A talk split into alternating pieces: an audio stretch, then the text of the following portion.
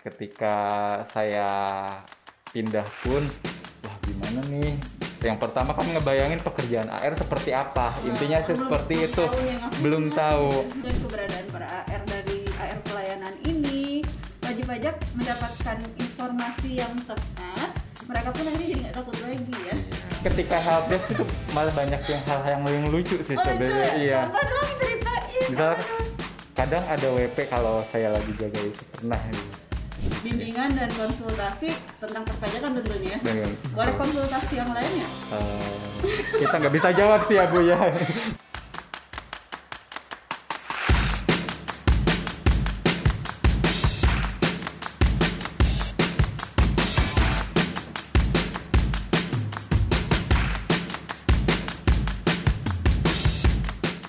Assalamualaikum warahmatullahi wabarakatuh.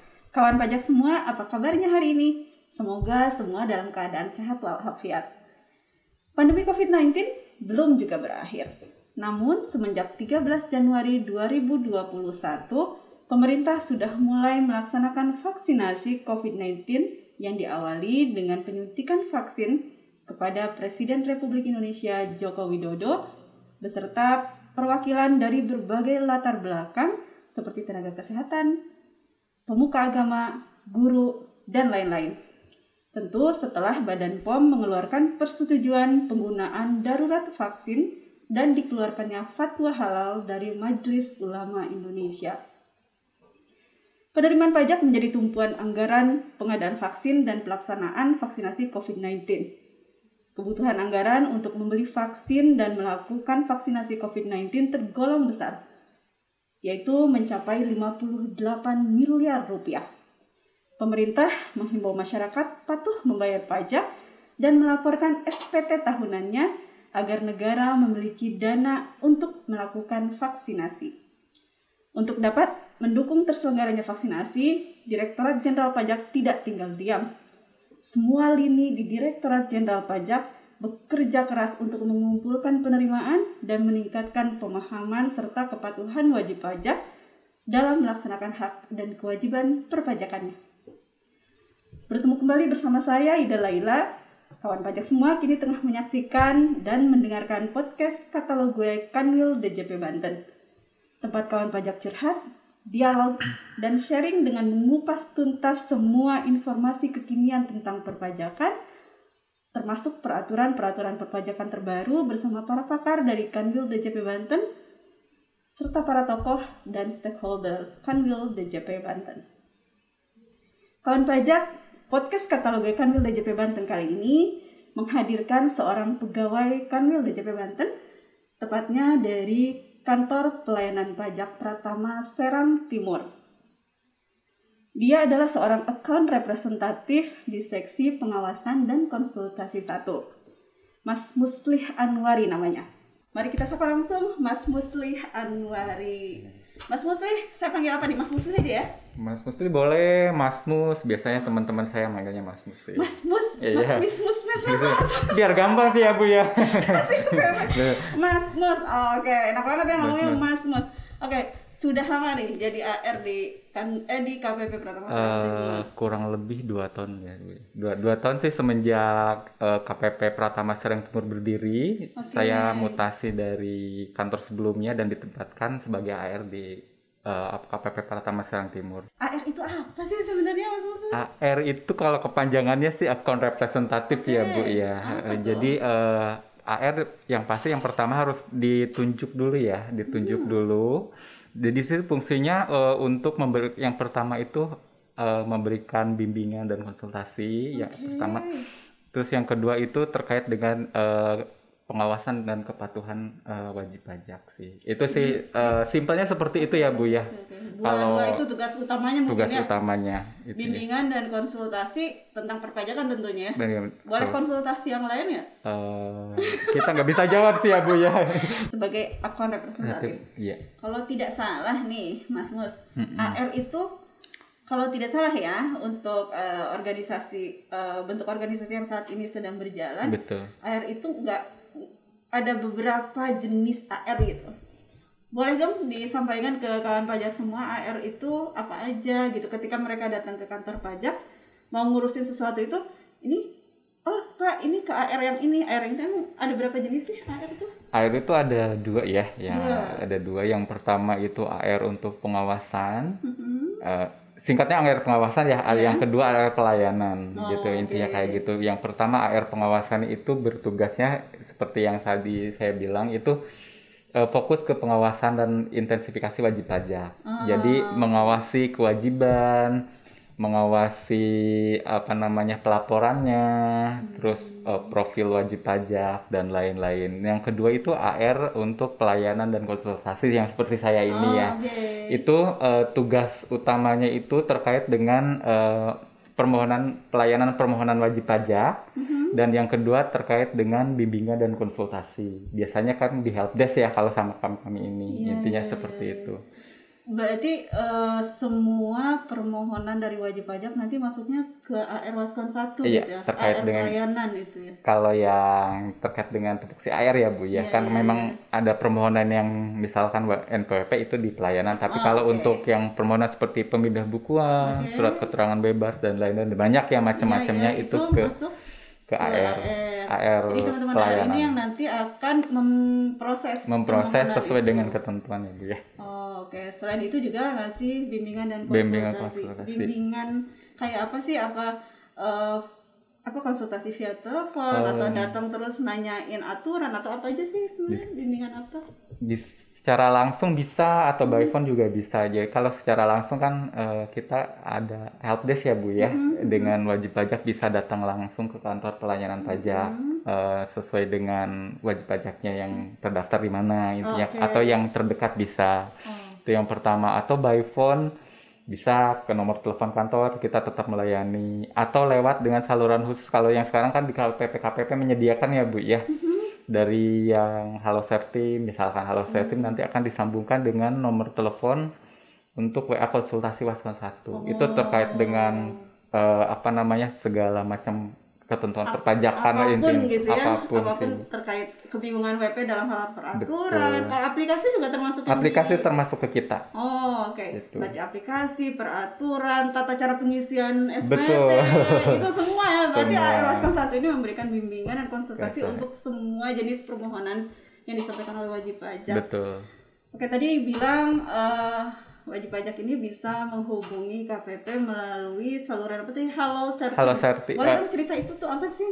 Eh, kalau di Kanwil DJP Banten ini kan eh, hampir semua KPP itu sudah menyediakan saluran khusus ya. Oke. Jadi kalau di kami di namanya Halo Sertim Oke. atau di Serang Barat Halo Serbar Oh, oke. atau di Tangerang Timur Halo Tangtim Oh, itu sesuai dengan nama KPP-nya ya. Oh, baik. Jadi eh, satu saluran khusus itu eh, namanya pakai yang WA yang menjawab secara otomatis. Oh, pakai Nanti sama WA misalkan nomor satu untuk layanan NPWP, nomor dua untuk layanan. Jadi Oh. ketika wajib pajak eh, apa nama langsung mengechat ya lewat WA, nanti akan jawab secara otomatis. Oh, Nanti akan mengerucut tergantung dengan kebutuhan wajib pajak. Oh, Misalkan ketika ujung-ujungnya dengan helpdesk untuk konsultasi, maka akan disambungkan dengan WA kami. Oke, berarti Halo Sertim ini adalah salah satu ah, salah satu aplikasi WA ya. Betul. Boleh dong disebutin buat kawan pajak semua nih Halo Sertim. Ingat gak nih nomor teleponnya? Oh, agak-agak lupa sih ya. Bisa dicek di ininya di Di IG ya? di IG Oh, ya, di pajak IG. sertimnya. Di IG Pajak Sertim Betul. di sana kawan pajak bisa melihat nomor atau line telepon Betul. untuk Halo Sertim itu berapa. Jadi Halo Sertim ini Halo ada Sertim ada atau langsung misalkan nggak nggak via eh, Halo Sertim langsung ke WA konsultasinya memang ada. ada Iya, juga ada disediakan. gitu. Berarti banyak nih ya kanal untuk berkomunikasi Iya, wajib betul. pajak dengan para petugas betul. di KPP. Oh, Eh, eh, apalagi oke. sekarang dengan apa namanya pandemi Covid ini Mhm. kita membuka seluas-luasnya untuk pelayanan yang tanpa tatap muka ya Bu ya. Oh, Memaksimalkan. Semua di KPP sama, prinsipnya Iya, sama. iya, iya, iya. eh, apa namanya menyediakan saluran khusus untuk layanan tertentu Hmm. sesuai dengan kebutuhan wajib pajak dimaksimalkan karena kan terbatas untuk yang layanan tatap mukanya juga ya bu Iya, ya. ya, pas pandemi ini memang sengaja dibatasi ya, betul karena kan kita kan khawatir ya. betul kita mengikuti instruksi dari kantor pusat untuk Iya. ada pembatasan Iya, iya. Jadi kalau ada kalau dulu kan memang sebelum ada pandemi eh, silakan saja semua wajib pajak yang Iya, berkebutuhan betul, gitu ada ada butuh ada pertanyaan atau apa ke helpdesk atau ke kantor pajak sesuai dengan Kapan pun di jam Betul. jam kerja itu jam mereka kerja boleh. boleh. gitu Kalau ya. sekarang kan dibatasi dengan Oh, harus eh, apa namanya daftar dulu lewat antrian online gitu Oh, kayak gitu. Baru bisa dilayani secara langsung. Berarti beda ya antara sebelum pandemi sama setelah pandemi ini. Betul.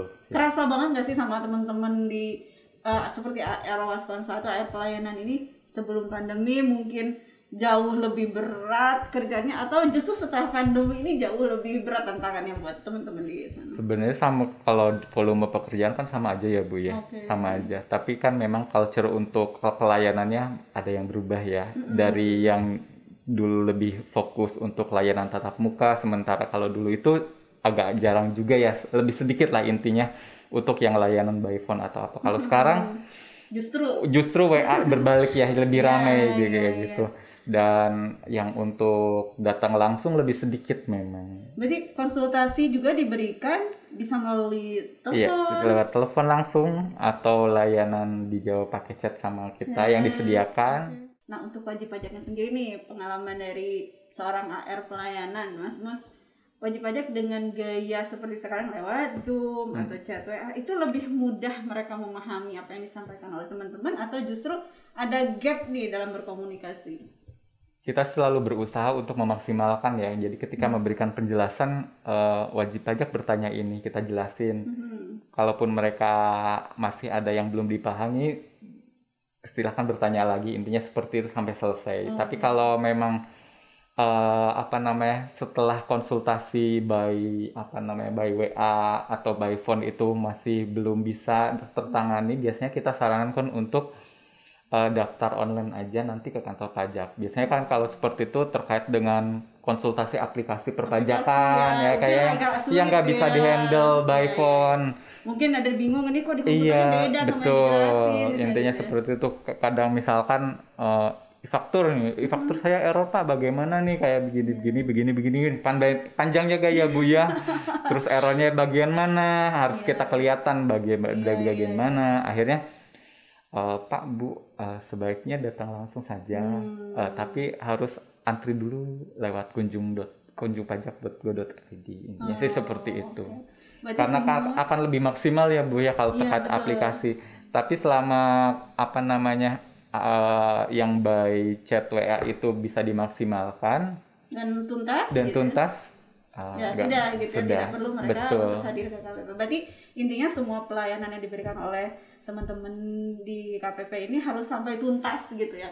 Kalau nggak tuntas ya emang nggak enak ya. Betul. Makan belum tuntas, suruh berhenti nggak enak. Betul. Tidur belum tuntas masih ngantuk disuruh bangun nggak enak. Jadi semuanya itu termasuk juga pelayanan perpajakan harus diberikan maksimal dan tuntas sehingga wajib pajak itu tidak ada komplain ya. betul Sama ini sempat ada komplain nggak sih dari wajib pajak ke teman-teman AR di Masyarakat Timur? alhamdulillah sih belum ada jangan ya Bu Ya, karena kami tapi pun kalaupun ngasih saran misalnya ada silakan oh, kalau mau iya. ngasih saran memang dibuka terbuka ya Terbuka. teman-teman semua semua kantor pajak terbuka untuk terbuka menerima untuk saran sarannya. betul Iya, karena itu memang untuk kebaikan kita Betul. kalau saran setelah saran itu kalau memang itu merupakan saran yang membangun itu pun langsung kita praktekkan juga Betul. ya. Oke luar biasa.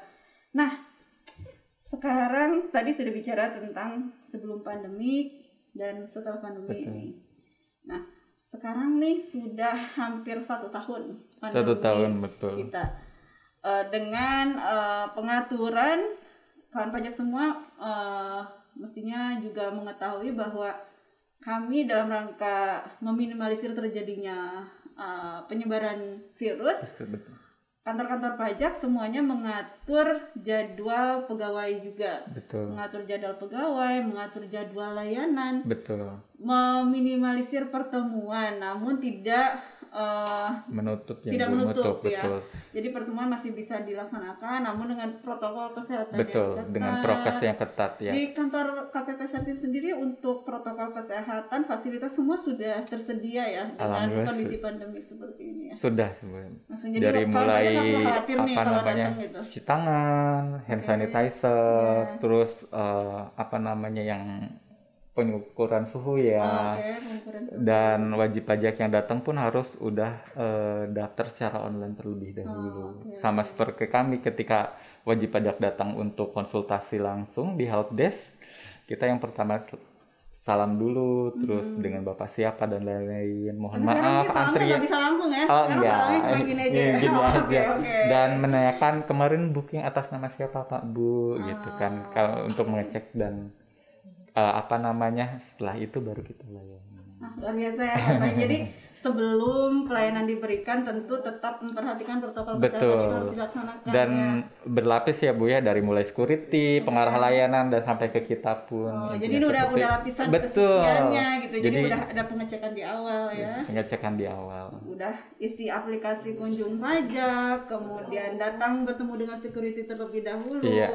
Ketemu dengan pengarah layanan, baru ketemu dengan teman-teman AR untuk mendapatkan bimbingan dan konsultasi. Iya. Oke, kalau di helpdesk nih, eh apa permohonan wajib pajak atau keinginan wajib pajak untuk dilayani atau diberikan bimbingan dan konsultasi kan pasti berbeda-beda Betul. dulu sebelum pandemi mungkin karena tidak ada pembatasan eh, mengenai jumlah wajib Jumlah, pajak yang dilayani mungkin konflik masih lebih besar dulu atau sekarang nih misalnya gini konflik yang saya maksud eh, wajib pajak datang ngantri gitu lama Iya, lama. gitu ya. Kok Sementara- nggak dipanggil-panggil Nah, gitu ya padahal untuk antreannya banyak. kan biasanya nggak cukup semenit dua menit ya Betul. kadang untuk aplikasi itu bisa Satu jam lebih jam, jam ya ya Bu. Mungkin petugas pajaknya pun sebetulnya udah capek banget tapi memang konsekuensi dari teman-teman sebagai AR pelayanan harus memberikan konsultasi kepada wajib pajak. Tapi ya itu apakah kalau dulu kan karena harus tidak ada pembatasan antrian sehingga teman-teman mungkin dari jam 8 pagi tank dibukanya layanan sampai dengan sore mungkin banyak terus gitu. Nah untuk yang setelah pandemi ada bedanya nggak sih di kantor pajaknya berapa Kalau yang- sih wajib pajak yang bisa dilayani Kalau untuk yang langsung memang terasa dari eh, jumlah atau kuantitas yang datang ya Bu ya. Karena eh, apa namanya kunjung pajak pun sudah diset untuk maksimalnya misalkan untuk antrian konsultasi misalkan satu jam satu orang Oh, gitu kayak gitu. Jadi ketika hari itu udah full wajib pajak tidak bisa membooking untuk antrian yang hari tersebut. Oh, Jadi bisa geser lagi ke hari berikutnya. lebih Sehingga tertib ya sebenarnya Betul, ya. lebih tertib sih Bu.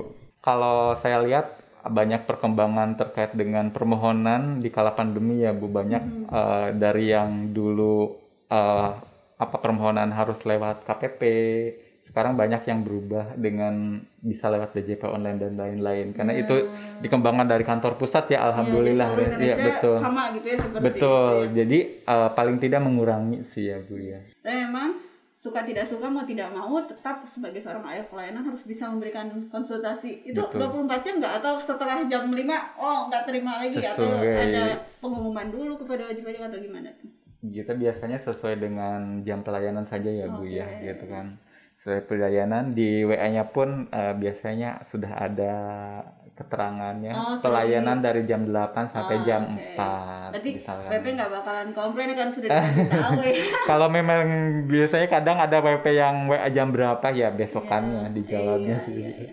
Tapi ya prinsipnya semua eh, apa permohonan dari wajib pajak untuk mendapatkan konsultasi itu semua dipenuhi walaupun mereka juga pada wajib pajak nih kawan pajak semua juga harus juga mengikuti aturan yang kita buat ya terkait kunjung pajak, protokol kesehatan, Betul.